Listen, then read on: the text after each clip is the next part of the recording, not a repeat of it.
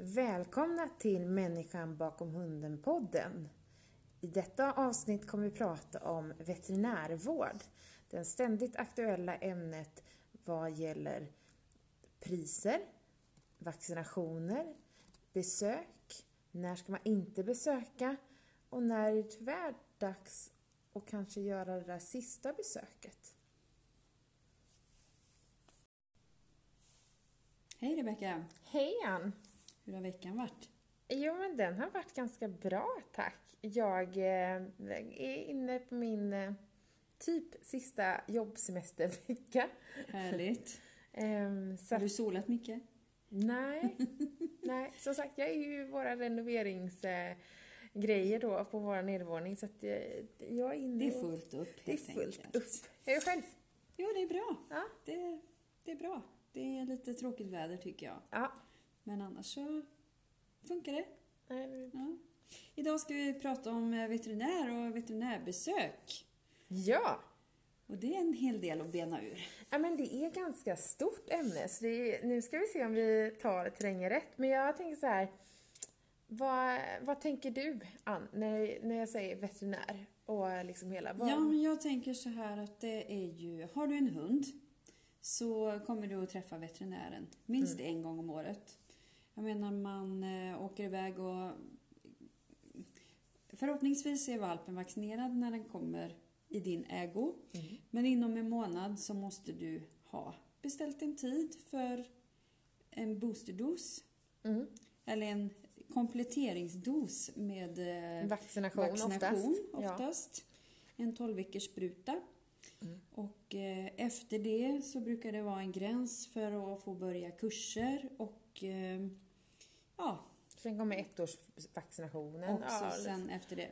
Men eh, det som är bra att veta det är att bara för att de är precis vaccinerade så kan man, får man ha en viss försiktighet. Går det smittor till exempel så ska man ju hålla sig några, några dagar hemma till. Eftersom det tar några dagar för kroppen att bilda antikroppar.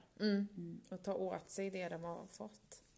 Men eh, det är väl tanken på att eh, där börjar resan. Tillsammans med veterinär. Ja, men det är ju lite det, för att det, det är ju något det är ju ändå en fin grej som veterinär, för de kan ju vara att det, de är med från start beroende på um, om de är till och med var redan inne om det har blivit en kejsar, kejsarsnitt så är de ju med Absolut. när en valp kommer till livet. Men ofta så är de ju också med oss eh, vid slutet av eh, livtråden när, man- när man ska göra det där viktiga, jobbiga beslutet när man säger att nej men nu är det dags att säga adjö till en vän. Ja, att det inte är etiskt rätt längre. Nej. Att, eh, Så att därför är det ju himla härligt, tycker jag, att man kan få en relation till en veterinär. det är väldigt viktigt, tycker jag, att man har ett stort förtroende för sin veterinär. Och att man kan bolla frågor, men ändå kunna ifrågasätta.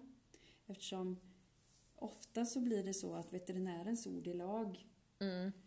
Men veterinären är ju inte med 24-7 och eh, vet hur individen i sig fungerar. Utan eh, De har ju Det- en kort ögonblick, de bedömer någonting. ja, och absolut så ska man ju självklart lyssna på veterinären. Det är inte det, men eh, ja, det är viktigt att bygga upp ett, ett bra, en bra relation helt enkelt tycker jag. Och det har jag gjort under årens lopp. Jag är väldigt nöjd med min veterinär. Sen är det dyrt, det är en annan sak. Men Mm, det är det är väldigt det. skönt att kunna vara, vad ska man säga, ha den säkerheten att man alltid har en bra veterinär att bolla med om Mm. det skulle behövas. Det är ju trots allt inte bara vaccinationer det handlar om utan det Vad är det som har gjort det, tycker, tycker du då? Att du, du har ju en veterinär du gillar. Nu gillar jag också den här veterinären. Eh, men vad är det som gör att du gillar, vad är det för liksom, för, vad är det för liksom bockar han kryssar i liksom? Vad är det för... Ja, men han är lugn Mm. och, eh, haha, eh, och eh, saklig. Han förklarar bra. Mm. Han förstår att, att min kunskap är också ganska bred och att jag är intresserad av själva förloppet. Mm. Eh, sen så i och med några kejsarsnitt så har jag till och med fått varit med och tagit emot valparna och gnuggat igång dem mitt i natten.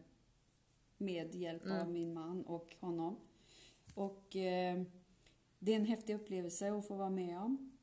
Samtidigt som man är hyperrädd såklart, Mm. att det ska hända någonting fel med tiken eller vice versa. Valpar för den delen. Intressant. Kolla Men- pulsklocka där en, en sån kväll, Ja, natt. det är det, men eh, oerhört givande och intressant. Mm. Och allt eftersom åren går så blir ju relationen bättre och bättre. Eller att man Ja, men det, får ett större och större förtroende. det tycker jag. För, för, vi som uppfödare eh, så blir det ju jätteviktigt för att eh, de är ju med oss, men det är ju också även för dig som äger en hund. Om det är någonting så känner de ju till, de, de lär ju också känna den här hunden. Förhoppningsvis så har man ju en frisk hund. Så eh, åker man bara in till veterinären och bara gör när man måste, Mm, typ de här vaccinationerna, uppdateringarna, det du behöver om du kanske ska ut och resa och göra så att allting är rätt och ingenting mera. Men eh, ofta så är det ju så som, som vi som uppfödare kanske möter den där veterinären oftare av olika orsaker. Man kanske vill testa som en tik, då vill man ju kolla rätt dag. För ett litet tag sedan så insemi- inseminerade vi en tik. Ja, Och eh, det kan man inte göra när som helst. nej. Eh, och det blir ju liksom då ganska viktigt att det görs rätt för man vill ju inte ta spillo på den här spermien som ska insemineras i tiken. Så då var det ju det att man var där och gjorde progesterontester och utdrag och så då kändes det som att man var där inne varje dag och kollade för att veta liksom att nu, Mm. nu gäller det. Eh, och då gäller det också att man har den relationen och att man kan vara där och stöta och blöta och Ja, precis. Jag tänker också inför ett kejsarsnitt. Det är ju det är brådis liksom ibland. mm, Att det här, nu kan vi inte vänta längre. Nu är det tjoff. Nu måste det ske. Och det är ju väldigt skönt att liksom ha en veterinär och bolla med. Att det här och det här har hänt. Jag tror, jag känner så här. Vad tror du? Ja, det är bara att komma. Men där har ju du och jag lite turen att vi bor så nära ändå till en veterinärklinik där de har dygnet runt-tjänst. Ja, Där- inte alltid, men nästan. Nej, nästan alltid. Men där hamnar man ju i ett krux beroende på om du kanske har den där veterinären som du har den goda relationen och kontakten med. Mm. Men det, de kanske också känner att de vill vara lediga ibland och eh, det har ju en benägenhet att de där olyckorna eller olyckshändelserna, sker ju alltid nattetid. vad är det alltså? Mm. Ja, men för att backa bandet just med vad det gäller eh, vaccinationer. Mm. Det är ju då du som valpköpare kommer dit första gången och ska... Du kommer hem med din valp och du får eh, i uppdrag att eh, uppsöka eller ringa och beställa tid till vaccination. Ja. Och eh, syftet med vaccinationsprogrammet är ju som regel att förbättra djurskyddet i Sverige. Mm. Att eh, ja, de ovaccinerade hundarna, ja det är ju som med corona nu att det ska bildas en immunitet så att övervägande delen är vaccinerade. Så att det inte blir sjukdomsutbrott helt enkelt. Och bas- basvaccinet då är ju mot hepatit, parvo och valpsjuka. Mm. Det får de då vid åtta veckors ålder. Och det beror ju oftast på att då har de inte skyddet från tiken längre. Mm. Att eh, antikropparna sjunker. Och då ger man... Oftast ger man ju det vid åtta veckor. Man kan ju ge Ja, det man lite tidigare. ge men, lite ja, tidigare. men, Men, precis. med sju, åtta veckor. Mm. Sedan så vid 12 veckors ålder så förväntas antikropparna ha sjunkit så pass mycket så att vid en vac- vaccinering då så byggs antikropparna upp. Mm. Eller att det blir en, eh, vad ska man säga, så det skapar ett långvarigt skydd. Sen så är det ju... För där pratar man ju om det här intervallet. Det är ju Ja, därför man precis. brukar säga, för det är ju det, vi, vi pratar ju om 8 och 12 veckor för det är ju det som är det mest normala Ja, eh, vallen när folk gör det. Att de gör det vid 8 veckor för då gör vi och vi eh, uppfödare oftast det i samband med en besiktning typ. För att det, Absolut. för åtta veckor är tidigast man får lov att leverera valpar i Sverige. Man får ju vänta så sent men det är ju också att det ska gå fyra veckor Emellan. mellan. Mm. Så att, eh, Och, men du har ju eh, helt rätt, det är ju det man säger. Ja, precis. Och sen så 12 veckors gränsen då. Mm. Det är ju där livet börjar Mm. för många.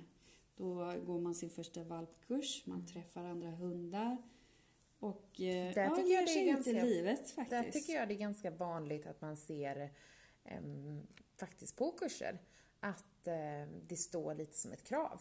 Att Ja. Grundvaccinationen bör vara gjord Innan, innan för att Ja, ska vara precis. välkommen att komma Absolut. med. absolut. Vid... Eh, Men sen så, är, sen så dröjer det ju ett, ett, ett litet tag innan man ska vaccinera igen. Ja. D- där, när du har gjort den, då är det ju fasis. Det är sen, sen Då blir det ju en boostervaccination vid runt ett års ålder sen. Mm. Och då är ju vaccinationsskyddet på topp om man säger så. Så då, då säger i alla fall Svenska Kennelklubben att var fjärde år är det legitimt att vaccinera. ja. Eh, Den här basvaccinationen Mm. då. Sen så finns det ju om man bor i tätbebyggt område med många hundar, eh, går på utställning och ja, vice versa Mm.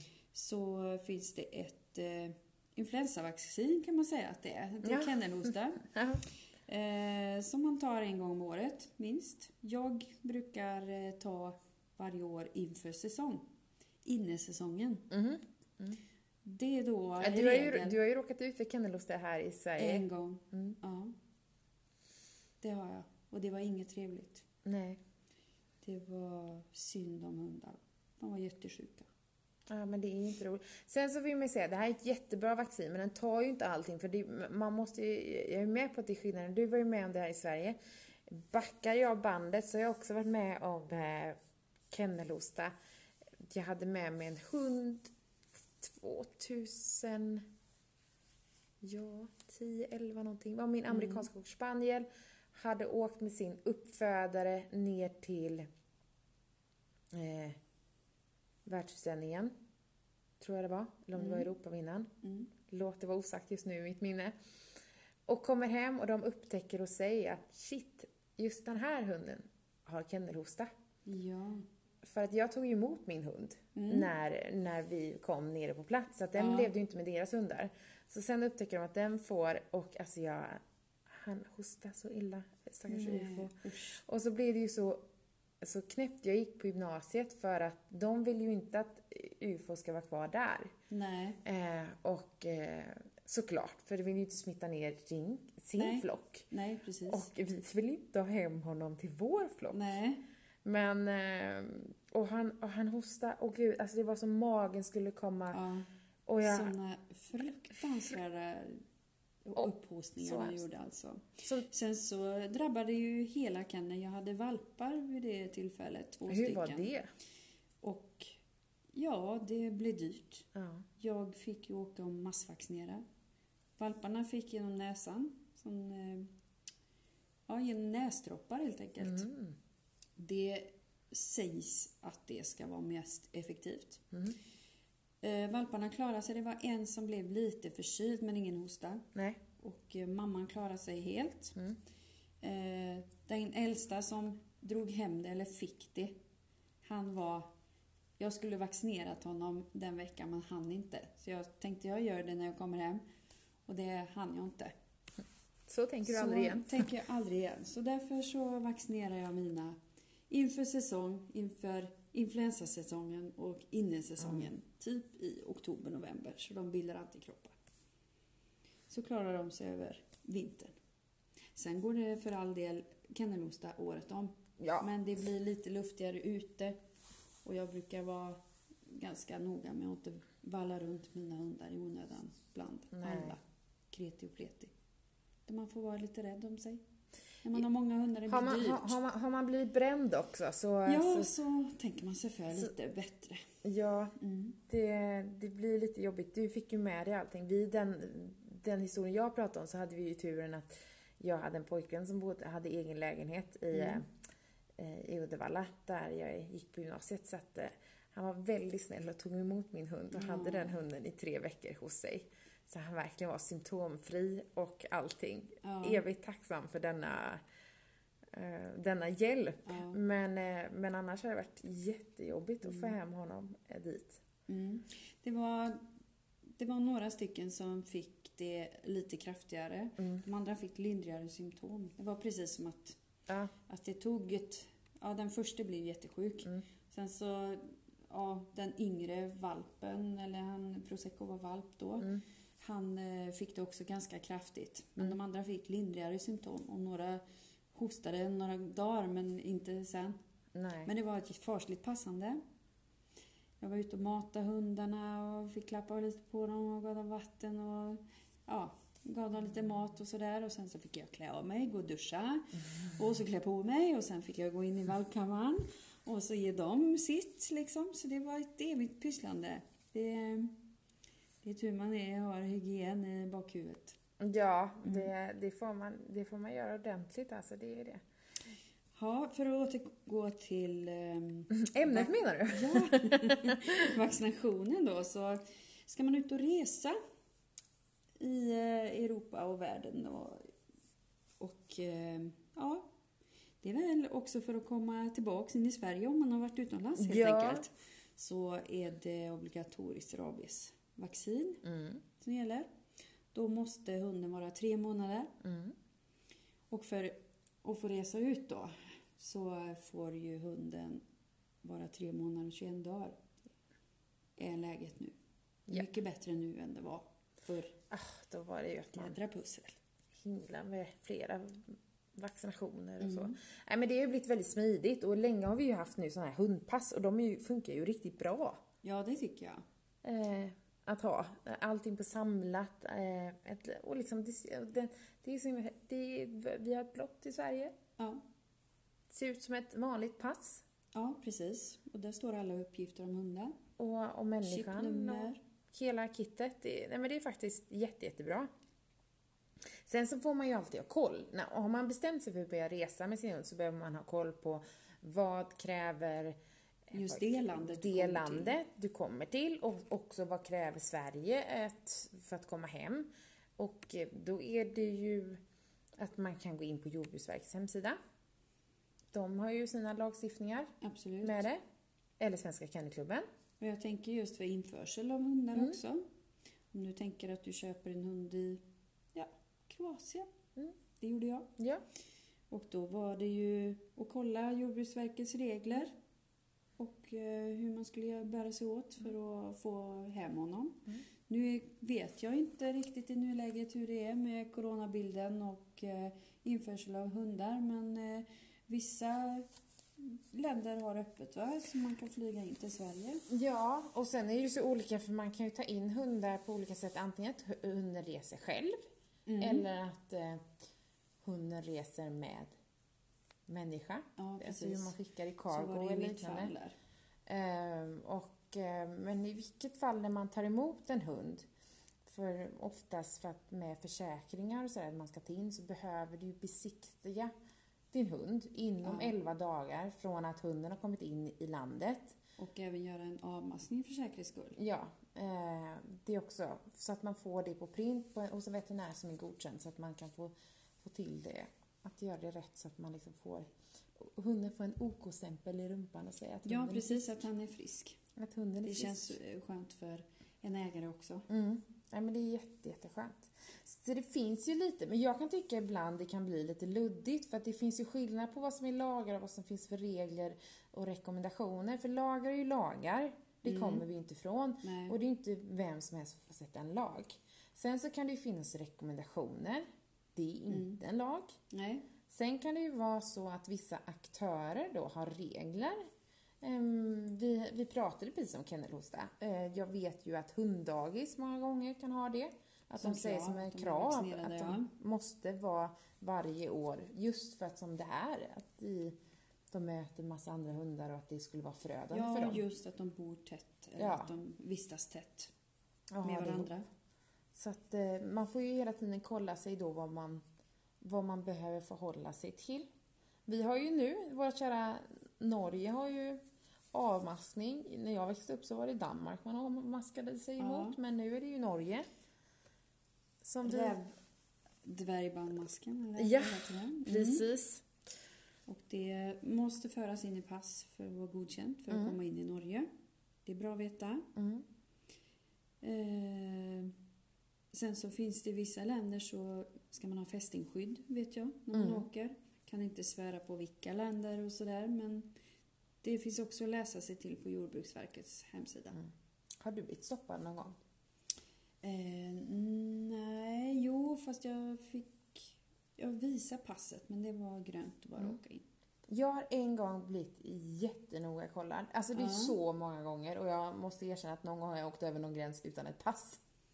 Mm. Och varit lycklig att man har lyckats med detta. Ja.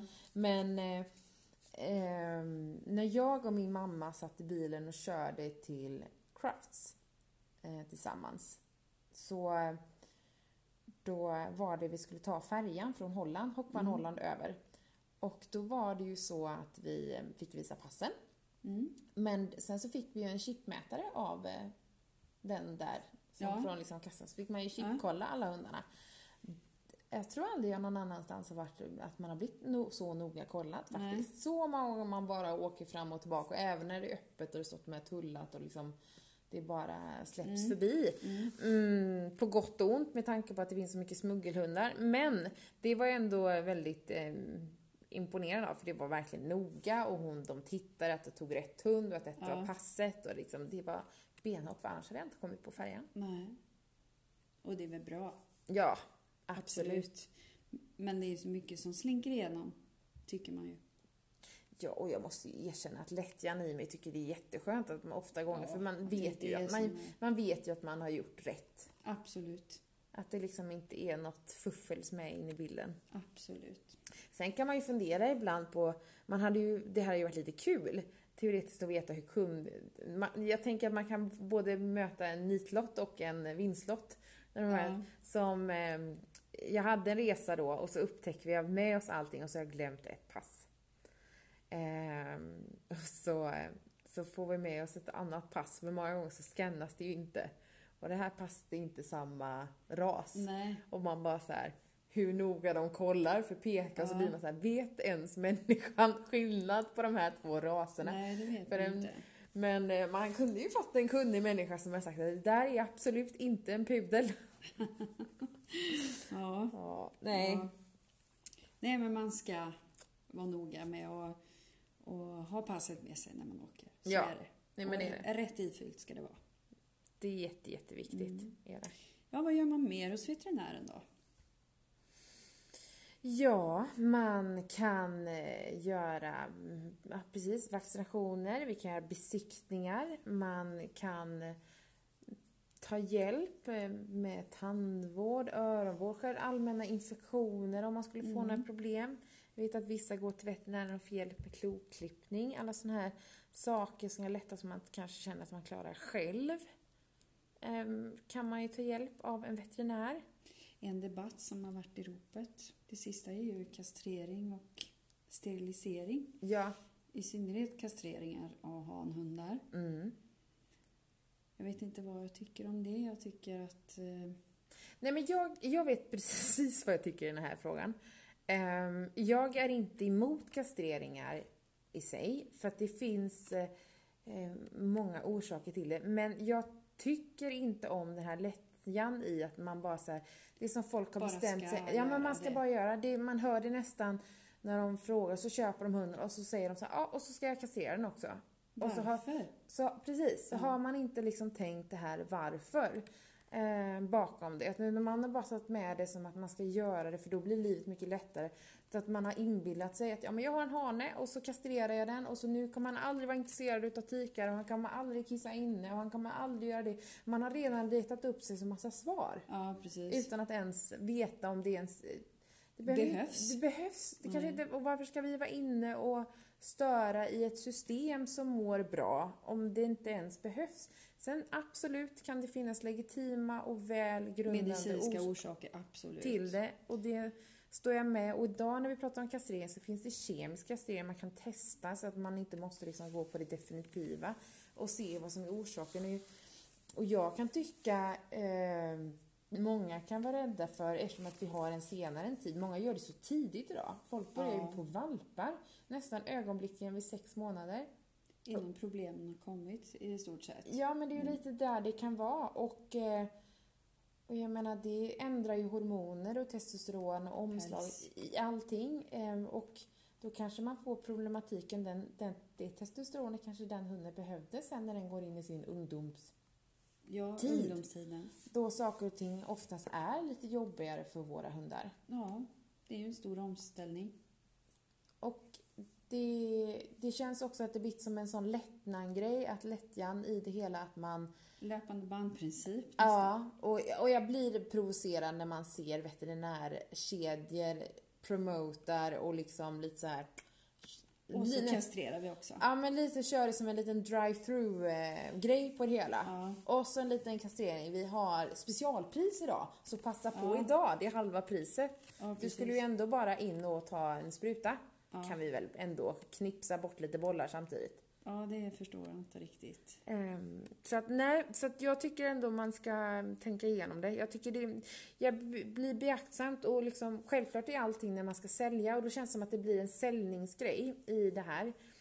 Ehm, och det är det jag kan tycka befarar lite idag när vi har, vi har fått ett sånt konstigt system bland vissa utav våra stora veterinärkedjor och kliniker. Känns som att man, det finns ingen bakgrund, det är som de också blir eh, påprackade att nu ska vi sälja detta, det blir så himla bra. Så Ja. förklarar man massa fördelar med det så pratar man inte om några, Är det det bästa för hunden, tänker jag?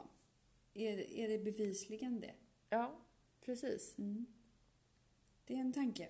Sen kan jag ju säga då som hundfrisör som ser massa pälsar som är kastrerade och ser vad som händer med dem.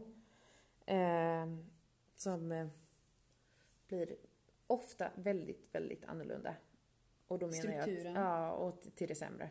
Okej. Eh, Och gör det mycket besvärligare sen för hund och hundägare. Jag Och det är har någon- en erfarenhet av att den blir rikligare.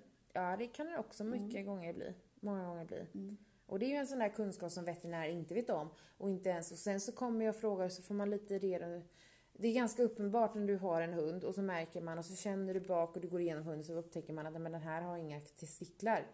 Och så kan man fråga, är den kastrerad? Ja. Men man, kanske har upptäckt det när man har tagit i pälsen och den beter sig annorlunda för det påverkar ju hormonet. Det Ja. vet ju vi människor, när man är stressad så tappar man mer hår. Ja.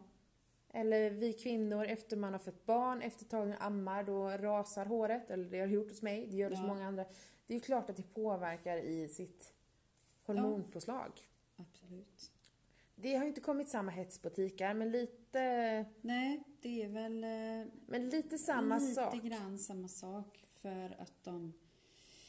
Ja, det är klart det blir dyra kostnader vad det gäller om de får livmoderinflammation etc. Och det är väl egentligen en ta- statistik som är svår på ett sätt att tjata emot heller.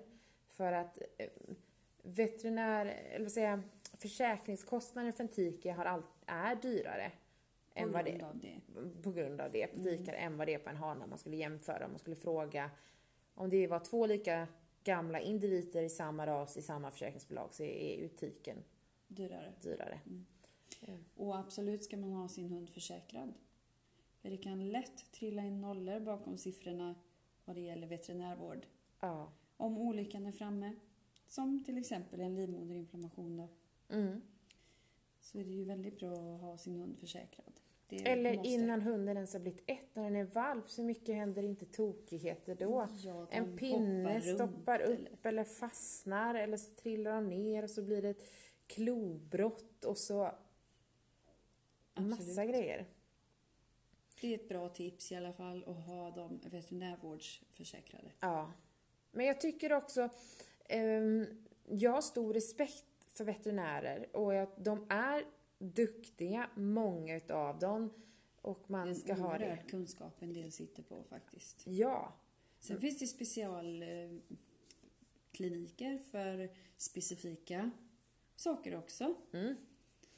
Och det är också bra, men det är oftast på större djursjukhus och lite sådana. Jag tänker mer här på landet så har vi ju distriktsveterinärer som eh, sitter på en oerhört bred kunskap om många djur Mm. egentligen.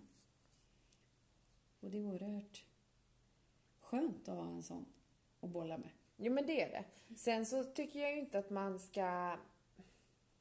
Det är väl det, det, är det som jag tycker känns lite, känns lite lurigt med det här att man, man måste ha hjärnan med sig på något vis för att oftast då om man uppsöker en veterinär när olyckan har varit framme så är det ju lite där att det är ju inte alltid man tänker klart själv. Nej, För man är så oroad och då är hjärtat där så otroligt mycket. precis. Och så liksom lite så här eh, gör allt för att fixa hunden eller någonting sådär och så till varje pris. till varje ja. pris.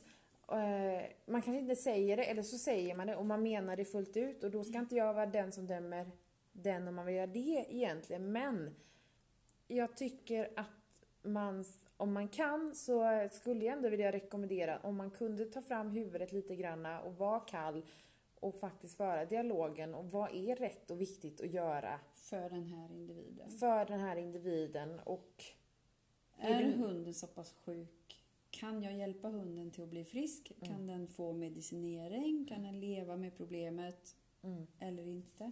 Vad är humant? Var går gränsen? mm. Det, det är en tanke. Ja men det är det för att det, men det, här, det här är ju en sån här SVT tog ju upp det. Mm. De hade ju en diskussion angående för länge sedan, Uppdrag granskning tror jag det var. Okej. Om jag inte minns det är Mm. fel. Så pratar man just det här med veterinärskenade kostnaderna. Hur kan det kosta olika på olika kliniker? Det kan man ju också fråga sig. Det är fri prissättning. Ja men det är det. Och det är ju... Och det är såna enorma skillnader är det. Ehm, det är ju nästan som att vi hundägare skämtar om Ja, så gick jag in där så kostade det 500 kronor för jag gick igenom dörren. Ja, ungefär. Det är så man känner. Ofta. För att man förstår inte riktigt Alltid. vad det är som kostar. Och sen är det ju för att det har skenat så mycket de senaste åren. Om man Ja. skulle dra fram en statistik och se vad som kostade för fem år sedan och vad som Ja. kostar nu. Jag vill minnas att jag betalade typ 9000 första snittet. När kan det ha varit? 2008 kanske? Mm. Och jag fick göra ett snitt nu i våras och det gick på 28. Ja. Mm. Det är drygt 10 år, Mm. Så det är ganska kraftig höjning. Mm. De gör samma saker. Mm. Ja, Nej, det är intressant är det. jag, eh, jag tycker att det har blivit väldigt dyrt.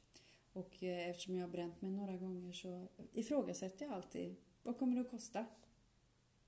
Det tror jag är klokt att göra faktiskt. Man, man, måste, man måste ha koll och man får få dialogen eh, tillsammans med våran veterinär i det hela. Ja.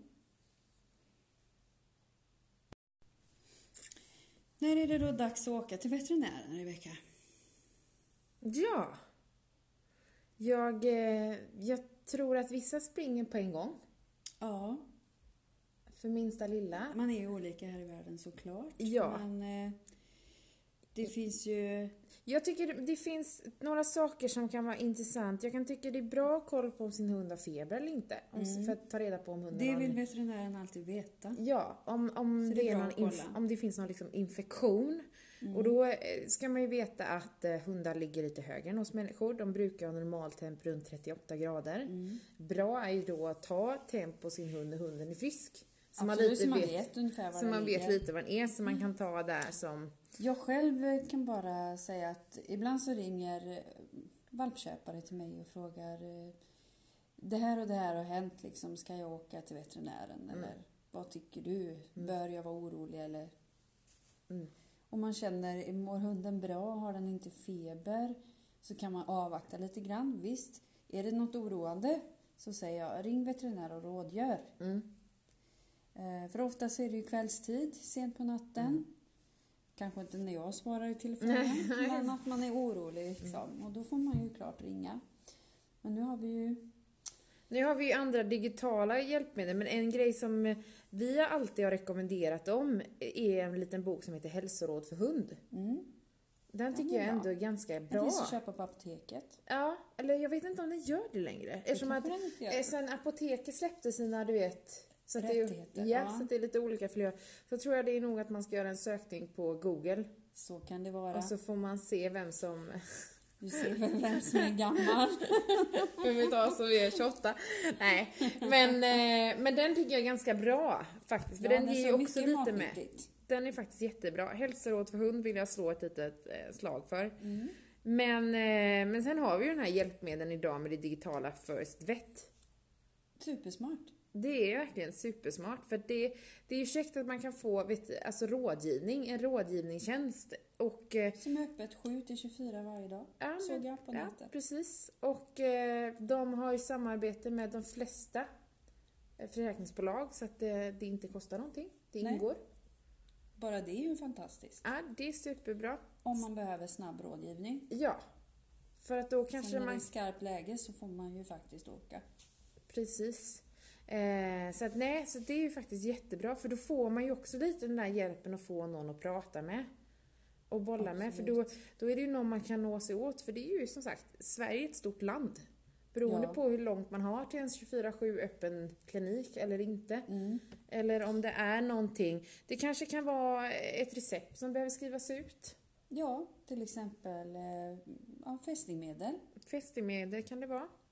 Avmaskningsmedel, Ja. vet jag inte. Nej. Just Sen, sen så är det ju eh, en annan grej. Jag skulle vilja ge som ett litet eh, tips som kan spara eh, mycket tid och pengar höll jag på att säga. Men eh, någonting jag har liggandes hemma hos mig är alltid eh, Procolin och eh, Camnekur plus någon Ja, precis. Något Eh, bra för magen. Eh, Något bra för magen. Lactobaciller. Ja, Mm. någonting när hundens mage Ballar ur. ballar ur.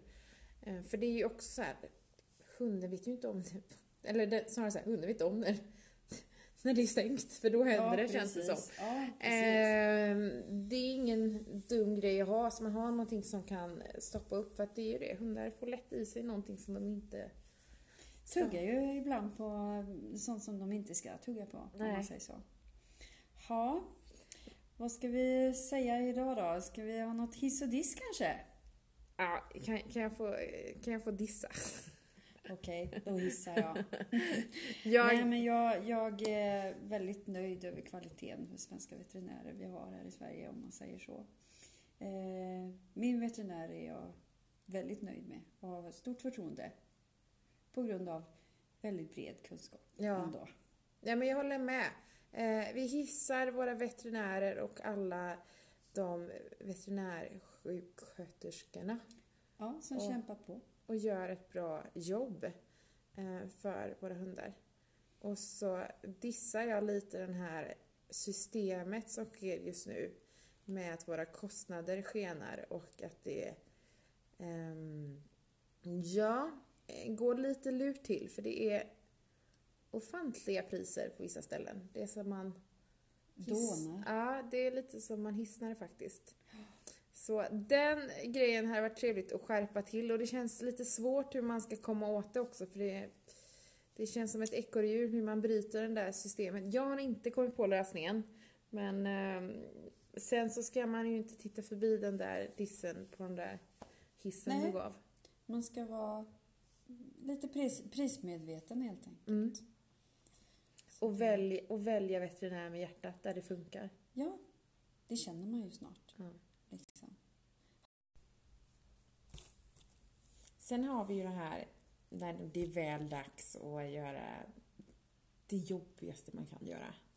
Bestämma liksom och säga hejdå till sin vän. Ja. Få liksom ett värdigt slut. Och då tycker jag liksom, det är där man får igen den fina relationen man har haft. Samtidigt som det är fruktansvärt att vara den som verkligen tar det beslutet. mm, det är det. Men det är ju också ett ansvar man har tagit när man Har köpt hund en gång. har när man köpt en hund en gång. Men jag kan tycka eh, i det här så är det väldigt, väldigt skönt. För att vi har ju pratat om det här och ha en relation till en veterinär. Jag har ju alltid, när det väl har varit de där tuffa besluten, gått till någon av mina veterinärer som jag har en god relation till. För att liksom Mm. så man får ett moment att göra det. Och jag vet att det kan ske på lite olika sätt. Jag vet att vissa gör det hemma vid, veterinären kommer hem till Mm. dem. Så man får gjort en fin ceremoni eller liksom göra Ja, en för det är vik- viktigt tycker jag att hunden får ha ett lugnt avslut. Ja, att det blir liksom bra. Eller att man gör det där beroende på hur fint man får till det. Eller man känner att man... Och att man kan kanske föra en diskussion med. För det blir ju också någonstans att veterinären har ju koll på ehm, detta. Mm. Så eh, det är ett tråkigt skede man måste göra, man måste välja. Så i detta läge så tycker jag ju då när ni, när ni har valt eller får en veterinär, få en veterinär med, med en god relation så ni känner att ni kan Var trygga med. vara trygga med. För att då, då kommer det kännas så mycket bättre. Så man får det där fina avslutet som man kan minnas allting är. Och då, det är ju också något man säger sig med när man har den här veterinären, vem man ska gå med. Så man får det okej. Mm. Så, Ack så viktigt. ack så viktigt. Så våran veterinär, den är med oss från början till slut. Ja.